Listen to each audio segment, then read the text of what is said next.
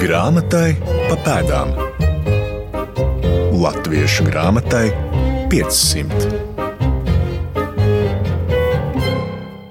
Lai arī latviešu grāmatniecības vēsturē, tāpat kā daudzās citās jomās, nevar novilkt svītru un jaunu gadsimtu apskatīt neminot iepriekšējo, šajā reizē tomēr iezīmēsim svarīgāko, kas saistīts ar 19. gadsimta pirmo pusi un ko šķetināsim turpmākajos raidījumos kāda bijusi pārēja no apgaismības uz moderno laiku un ko tā maina latviešu grāmatniecībā.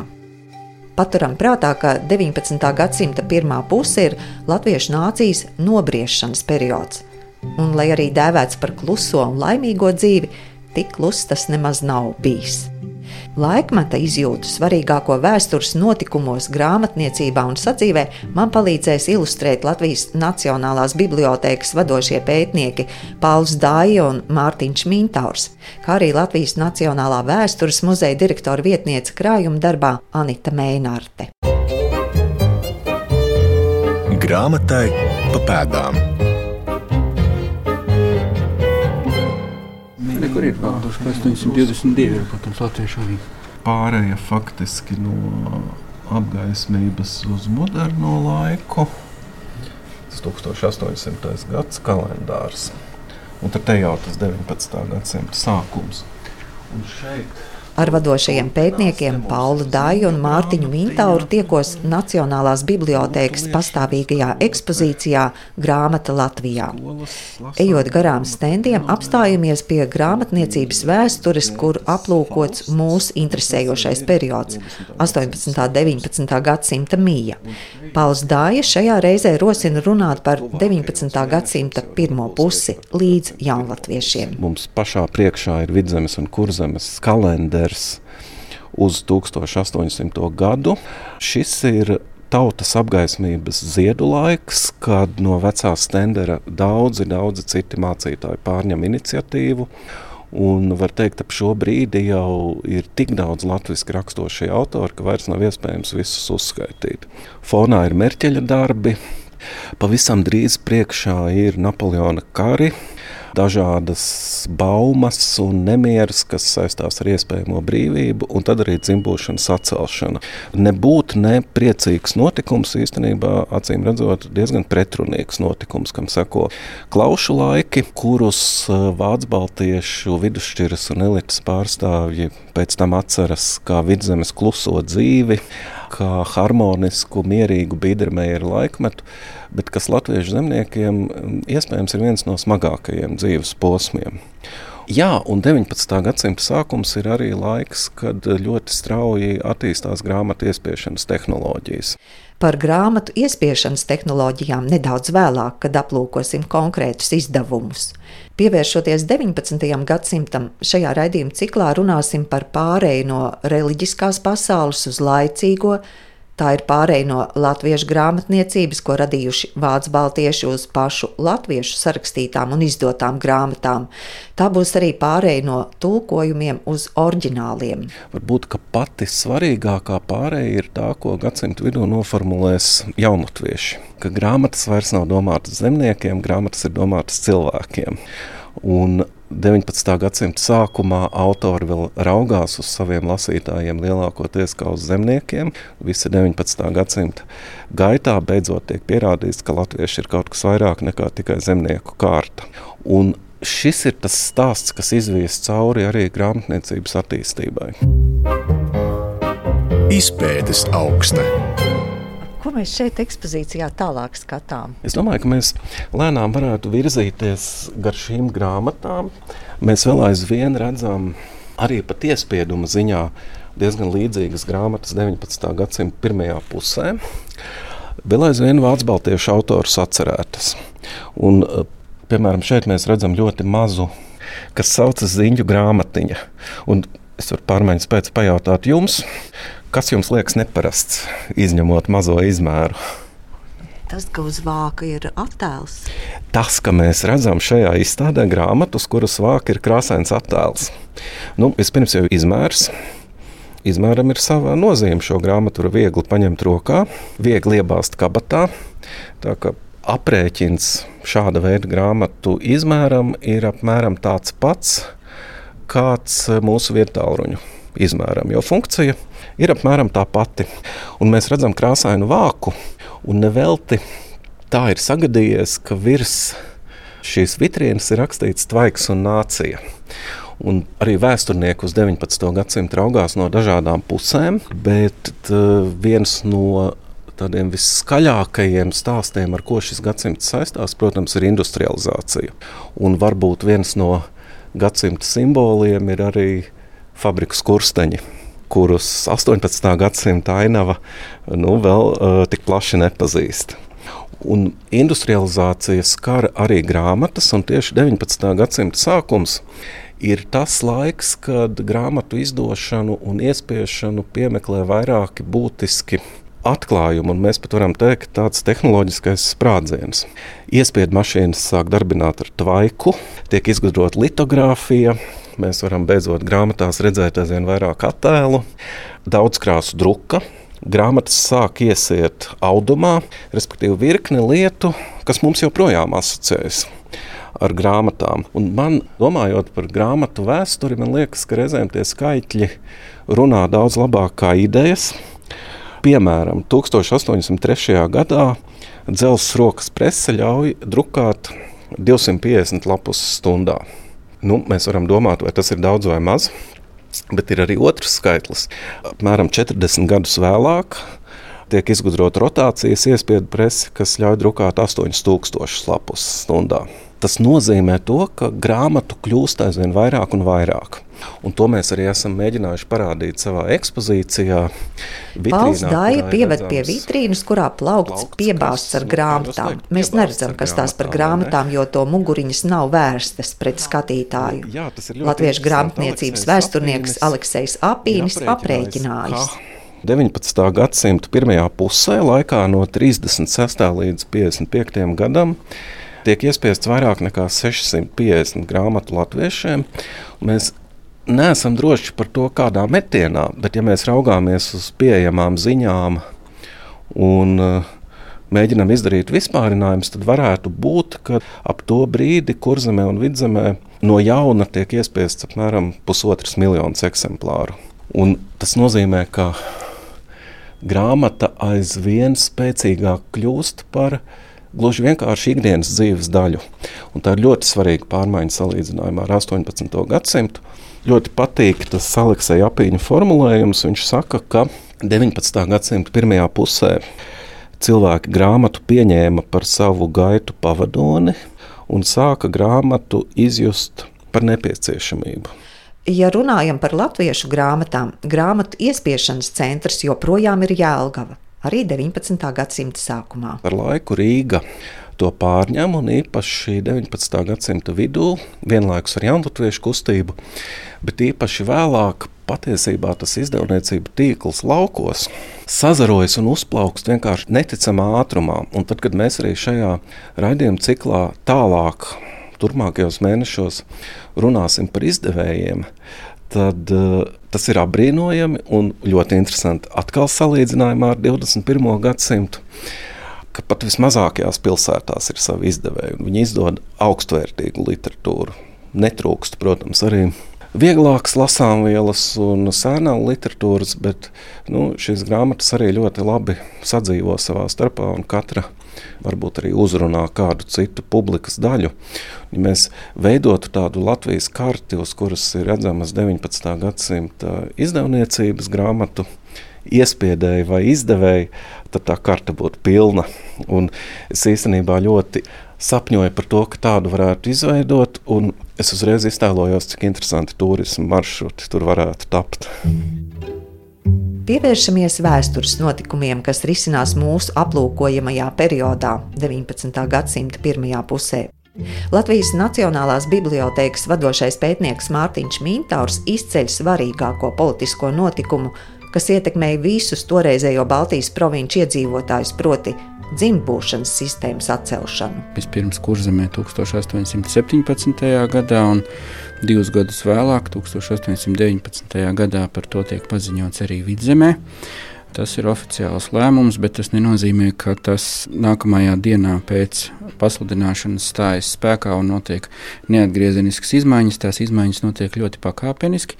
Kā jau Pauls teica, tas ir garš, gadiem ilgs process, jo tikai likumā vien bija noteikts pārējais posms līdz 19. gadsimta 30. gadu vidum.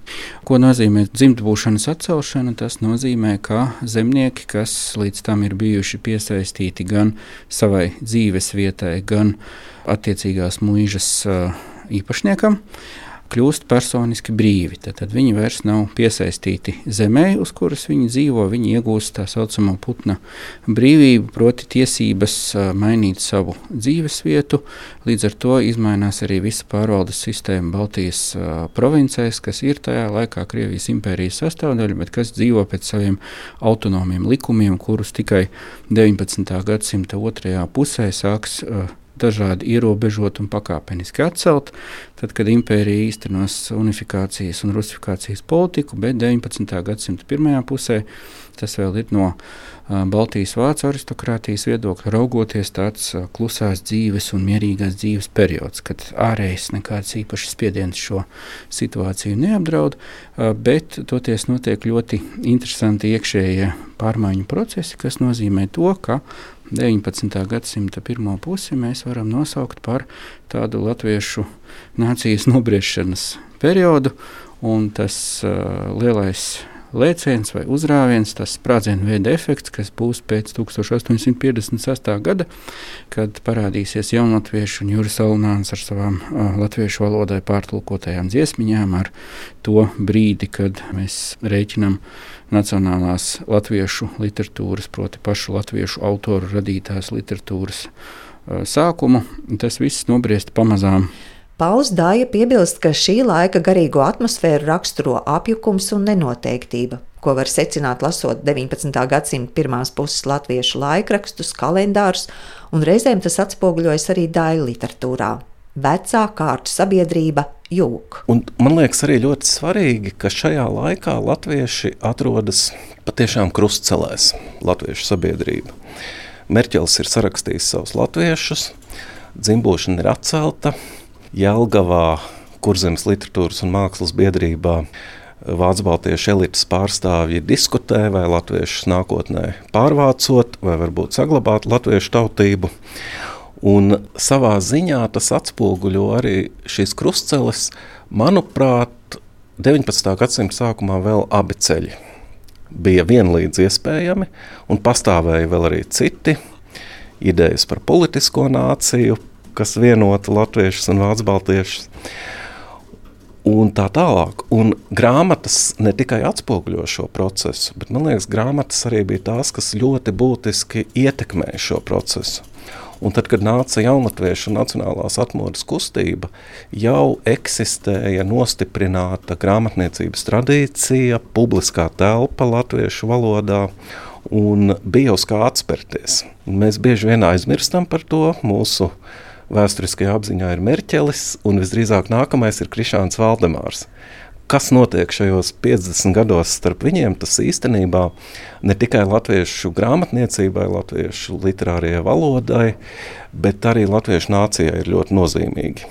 Jā, un šajā periodā mums ir jārunā arī par karu par karu un pat par vairākiem kariem. Pauls jau pieminēja Napoleona karus, vai var teikt tādu Napoleona iebrukumu, Franču lielās armijas kara gājienu uz uh, Maskavu, kas skar arī Latvijas teritoriju, bet, kā mēs zinām, tad Napoleona karaspēks nonāk līdz Daugavai, okupē Kurzemi, bet Rīgai uzbrukums nenotiek, kaut gan to gaida, ar to rēķinās, tādā panikas iespējā tiek nodedzināts arī Rīgas priekšpilsētas, gaidot tieši Napoleona karaspēka triecienu. Un, protams, vēsturiskais paradoks ir tāds, ka lielākā daļa no šī Napoleona karaspēka bija vācu izcelsmes, gan karavīri, gan virsnieki, kuri piedalījās šajā Napoleona armijas karagājienā. Tas ir viens karš, kurš, protams, ietekmē situāciju tādā ziņā, kā vēsturnieki šodien uzskata, ka tas lielā mērā pātrināja dzimbūšanas atcelšanu, kas seko tātad, nu, jau faktiski piecus gadus pēc Napoleona iebrukuma, ka tas zināmā mērā piespieda konservatīvāko Krievijas impērijas administrācijas daļu, tomēr ķerties pie šī eksperimenta Baltijas provincēs un kādēļ tas notiek vispirms tieši kurzemē un, un vidzemē, tad, tad rēķinoties ar to, ka šeit zemnieku iedzīvotāju slāņi ir labāk izglītoti, tiek uzskatīts, ka tie ir labāk sagatavoti dzimbūšanas atcelšanai nekā zemnieki, kuri dzīvo tā saucamajās iekškrievijas guberņās, un ka šeit arī, protams, ļoti augsti tiek vērtēta tā Baltijas vācu aristokrātijas izveidotā pārvaldes sistēma, un tiek uzskatīts, ka vidzemē un kurzemē būs iespējams varbūtēji nemieru vai citu problēmu gadījumā būs iespējams šīs problēmas arī atrisināt. Otrs karš, kas ietekmē situāciju Baltijā, ar to saprotot vidzemi un kurzemi 19. gadsimta vidū, ir Krimas karš. Bet ir vēl daži citi apstākļi, kas ietekmē Baltijas situāciju kaut vai Polijas sacelšanās 1831. gadā. Un vienmēr tiek uzsvērts arī latviešu izdotajos preses izdevumos, ka pie mums nekas tāds nav iespējams, tāpēc ka mēs dzīvojam pavisam citos apstākļos, kur zemē un vidzemē nekas tam līdzīgs nav un nebūs un, un, un nekad nevar notikt. Ja? Tad, tad nāk klāt nu, tāda politiskās slavierēšanas tēma pie tā visa, jo tas ir ļoti svarīgi no Baltijas autonomijas saglabāšanas viedokļa tieši šai Baltijas vācu aristokrātija, kurš šo autonomiju gan iemieso personiski, gan arī uh, juridiski to garantē, ir ļoti svarīgi apliecināt savu lojalitāti valdošajam namam, jeb dinastijai, izvairīties no tā, ka, piemēram, Baltijas provincēs notiktu kādi nemieri, un tad mūs droši vien skartu tas liktenis, kas skāra Polijas, Lietuvas teritoriju un arī Latgales apriņķus, kad faktiski jau pēc otrās poļu sacelšanās 1863. gadā tiek uh, ieviests uh, latīņu drukas, jeb latīņu rakstītā vārda aizliegums, bet tas jau ir 19. gadsimta otrajā pusē. Grāmatai pa pēdām. Vēstures literatūrā var sastapt apzīmējumu par Baltijas kluso un laimīgo periodu 19. gadsimta pirmajā pusē. Tas sasaucas ar Bīdermeijera laikmetu starp 1815. un 40. gada beigām, kad augstu tika vērtētas patriarchālās attiecības ģimenē un mājīgs mājoklis. Bīdermējera stila interjerā iespēja redzēt Latvijas Nacionālajā vēstures muzejā. Ekspozīcijā tiekos ar Anitu Mēnārti, muzeja direktora vietnieci krājuma darbā. Stāvot starp gaiši brūna koka mēbelēm, Anita Mēnārte vērš uzmanību interjeram, kas rāda mūžas kungu mājas centrālo istabu. Un jāteic, ka šāds interjers varēja būt jebkurā mūžā. 19. gadsimta pirmajā pusē, gan vidzemē, gan kurzemē, un tikpat labi arī rīznieku mājokļos. Gan tā politiskā situācija var būt, gan arī varbūt tas cilvēka tas dzīvesveids, ka viņš mazliet tā kā raujas tajā iekšā tajā savā pasaulītē, radīja arī interjeru. Eh, interjeru, kurš ir mājīgs, kurš ir intīms, kurš cilvēku nenomāca. Es zinu, ka mēbelēm ir ļoti vienkāršas formas, ja?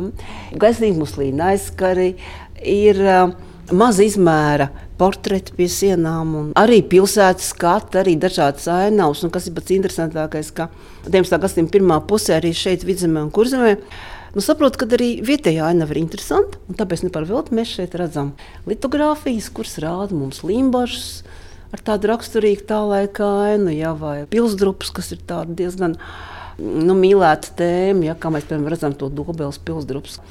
Un visur ir ziedi. Un ziedi var būt ne tikai mazajā dārziņā, ziedi ir uz palodzes, ziedi ir uh, mēbeļaudumos, izšūtajos pilvenos, izšūmos. Tā kā patiesībā tas tiešām rada cilvēkam tādu ļoti patīkamu un jauku tuvēju apkārtni. Nu, un, protams, ka tām daudzām mēbelēm šajā laikā patiesībā ir gandrīz tāda nu, ļoti būtiska nozīme cilvēku dzīvē.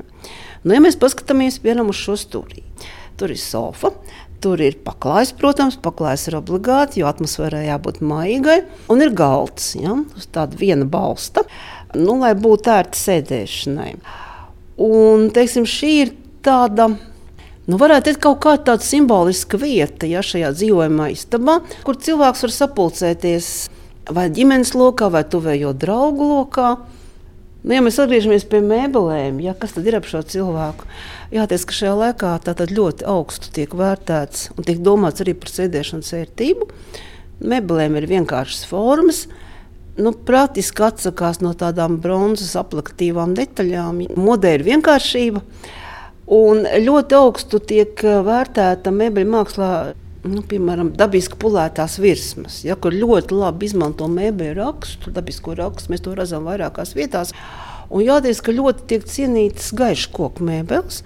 Ir, protams, arī sarkanu koku, bet, bet gaišas koku ir ļoti piedienīgs pīdermēram, ja vai tur ir bērns, ķirsis goba, ja kāds no vietējām koku šķirnēm. Ja, jāteic, ka daudz vēl nezinām par teiksim, galdniekiem, mēbeļu meistariem, kas šīs mēbeles gatavo, bet jādomā, ka tas, kas ir mūsu muzeja kolekcijā, tas ir darināts, varētu būt darināts uz vietas. Un Bīdermērs ļoti ietekmē arī zemnieku mēbeles. Ja mēs pavērojam krēslus, 19. gadsimta otrā pusē, nu, teiksim, varbūt arī skapjus, ja tur mēs daudz ko varam atrast no tā, ko mēs latviešu amatnieks ieraudzīja, varbūt muižā. Jā, vēl tāds interesants stūrītis. Ja, Anita Mēnārte te pieved pie mēbeles, kas saistīta ar rakstu darbiem, proti aplūkojam sekretāru. Un jāteic, ka šajā laikā mīl ļoti daudz rakstīt. Patiešām ļoti daudz, jo tas ir dienas grāmatu, vēstuļu, no dažādu atmiņu. Un es pieļauju arī kādu vācu klasiskās literatūras citātu, kur varēja piemēram ierakstīt nu, šajā grāmatiņā. Tā ir tāda pašizpausmes un atmiņu forma, ja, jo tādai atmiņas saglabāšanai faktiski arī piešķir lielu nozīmi. Nu, un sekretārā ir daudz dažādu tādu atvilknīšu, slepenu un mazāk slepenu. Nu, es pieļauju, varbūt, ka šeit varēja noglabāt tādu, kas nebija domāts varbūt svešām acīm uzreiz, kā dienas grāmata vai kāda vēstulīte. Un draudzības jūtām arī ir ļoti liela nozīme. Šajā laikā ne par velti ļoti uzplaukst mieturglezniecība. Jo fotografija tie tikai paši, paši pirmsākumi. Un, lai tu, piemēram, Nu, ja dodas nu, dēls studēt uz, uz kādu valsts universitāti un paņemt līdzi, varbūt ir mātes portretu vai vēl kaut ko, nu, kas ir vienkāršāk kā pasūtīt māksliniekam nu, šādu mazu, mazu glezniņu, miniatūru, viņas ir mazas. Nu. Nu, teiksim, augstumā ir dažās, tur 12 cm, 10 cm. Piekam tādas var iestrādāt arī medaljonos, arī pat gradzenos un rokas sprādzēs, reizēm kopā ar matu šķipsnām. Varbūt mēs mazliet par to smaidām, bet tas ir tāds šim laikmetam ļoti raksturīgs. Ja, varbūt šīs draudzības jūtas, vispār šīs ģimeniskums, ģimeniskums saiknes. Un, un, protams, ka tas viss šajā interjera tēlā ir iemiesojies un mums diezgan daudz arī stāsta par šī laika dzīvesveidu. Grāmatai pa pēdām. Kaut arī vēstures literatūrā var sastapt apzīmējumu par Baltijas kluso un laimīgo laikmetu 19. gadsimta pirmajā pusē, ārējie faktori, kurus skar Baltijas provinces, ir tādi, kas atstāja pēdas. Gan Napoleona karš, gan Pirmā poļu sacēlšanās, gan vēlāk Krimas karš. Turpina Mārtiņš Mintārs. Ne tikai notika Baltijas vācu elites aprindās diskusijas par to, ģermanizēt, pārvācot vietējos iedzīvotājus tik labi latviešus kā igauņus, ieviešot mācību valodu skolās vācu valodu vai nē, bet tajā pašā laikā ļoti svarīgi bija, ka šī apziņa par piederību uh, latviešu tautībai tiek zemniekos vispusīgi uzturēta. Un par to atgādina gan vācu mācītāji lauku draugzēs, par to tiek rakstīts arī latviešu avīzēs un citos izdevumos, tajā latviešu ļaužu draugā un citos preses izdevumos, kā ir labi un svarīgi palikt ne tikai pie savas kārtas, tātad palikt zemniecībā, bet palikt arī pie latviešu tautības apziņas. Un Šodien vēsturnieki uzskata, ka tas bija tāds arī politisks gājiens, lai stabilizētu tieši to situāciju, kas mainījās acu priekšā. Šī kārtu sabiedrība, kas šķita tik mūžīga un, un nemitīgi pastāvoša, un ka to nekas nevarētu izmainīt, ka šī kārtu sabiedrība jūg un pazūd pēc dzimbūšanas atcelšanas, un tātad, lai atkal lai izvairītos no nemieriem, lai stabilizētu situāciju, zemniekus eh, pamāca ka nevajadzētu šo dzimbūšanas atcelšanu uztvert kā tādu pilnīgu o, brīvību, mainīt gan savu sociālo stāvokli, pāriet no zemnieku kārtas, mēģināt tikt citās kārtās, mainīt savu sociālo statusu, bet tas arī palikšana gan pie zemniecības, gan pie latviedzības ir savstarpēji saistītas lietas, un ka tad, uh, ja zemnieki to ņems vērā un liks aiz ausis, tad arī visiem būs labāk, ja, jo tad šī kārtu sabiedrības šķietamā stabilitāte tiek paildzināta. Bet nevelti Mārtiņš uh, saka šos vārdus stāvēdams blakus vitrīnai ar virsrakstu grāmatu un nācija. Tomēr es gribu pievērst uzmanību tam, ka šajā ekspozīcijā mēs varam redzēt arī grāmatas ne, ne tikai latviešu valodā, arī grāmatas vācu valodā. Un, ja mēs apmetam tādu loku no raidījuma sākuma, tad mēs varam atgriezties vēlreiz pie šī grāmatu plaukta, kurā, mm, nu, kā jau jūs teicāt, lāgā nevar saprast, kas tās par grāmatām. Plaukts ir piebāzts, ja mēs iztēlojamies, ka mēs stāvam pie latviešu grāmatu plaukta, tad noteikti šīs grāmatas, kuras mēs esam speciāli izvietojuši ar muguriņām uz aizmuguri. Noteikti starp tām ir grāmatas ne tikai latviešu valodā, bet arī grāmatas vācu un krievu valodā. Šajā raidījumā gan līdz šim, gan arī turpmāk, protams, mēs runāsim par grāmatu kā latviešu nācijas stūrakmeni. Bet es domāju, ka vienlaikus mēs arī atcerēsimies to, ka latviešu grāmata jau neveidojas un neizaug izolētā vidē. Bet uh, Latvijā cirkulē grāmatas visdažādākajās valodās. Latviešu lasītāju auditorija miedarbojas un ietekmējas no citām auditorijām, un uh, šis process notiek arī pretējā virzienā. Pagājušajā nedēļā šeit pat bibliotēkā uh, notika ļoti interesanta vēsturnieka Ilijas Lenska lekcija par ebreju grāmatniecību, un arī šo lekciju viņš sāka ar 19. gadsimta pirmo pusi kad šeit uh, Latvijā tiek iespiesti pirmie teksti, kas adresēti ebreju lasītājiem. Un man liekas, ļoti svarīgi raugoties uz šo grāmatu plauktu, ka mēs atceramies ne tikai grāmatas latviešu, bet arī citās valodās, ne tikai Latvijā izdotās grāmatas, bet arī grāmatas, kas iespiestas daudz vietā Eiropā un atceļojušas pie mums. Un, protams, ja mēs raugāmies uz to grāmatniecības vēsturi kopumā 19. gadsimtā, tad nu jā, tā ir vēl viena lieta, kas vēl vairāk sarežģīja šo ainavu. Un es uh, saprotu, ka turpmākos mēnešus runājot par 19. gadsimta pirmo pusi, mēs daudz interesantu stāstu uzzināsim, daudz interesantus autorus atkal atradīsim, un, un nemaz tik kluss tas periods mums nebūs. Turklāt ne tikai interesantus stāstus, bet arī nezināmus stāstus. Jo man liekas, un šeit es drusku esmu vienpusīgs, un tendenciāls, jo man pašam šis ir ārkārtīgi tūs laikmets kā pētniekam, bet man liekas, ka nav neviena cita perioda latviešu grāmatniecības vēsturē, izņemot 19. gadsimta sākumu, kas slēptu sevī vēl tik daudz neatklātu lietu. Un es domāju, ka dažas no lietām, par kurām mēs runāsim turpmākajos mēnešos, daži autori, grāmatas, iespiedēji, izdevēji, lasītāji, pat varbūt plašākā publikā izskanēs pirmo reizi. Pauls Dāja ir ieintriģējis, un arī es ar nepacietību gaidu iepazīšanos ar 19. gadsimta pirmās puses autoriem, grāmatām un notikumiem. Par ieskatu 19. gadsimta sākumā šoreiz paldies saku Nacionālās bibliotēkas vadošajiem pētniekiem Paulam Dājam, Mārtiņam Mintauram un Latvijas Nacionālā vēstures muzeja direktora vietniecei krājuma darbā Anitai Mēnartei. Izskan raidījums grāmatai pa pēdām. To sagatavoja Nora Mitspapas, Santa Lauga un Laima Slava. Raidījuma padomdevējs Latvijas Nacionālā bibliotēka. Tiekamies pēc nedēļas! Grāmatai pa pēdām. Latviešu grāmatai 500.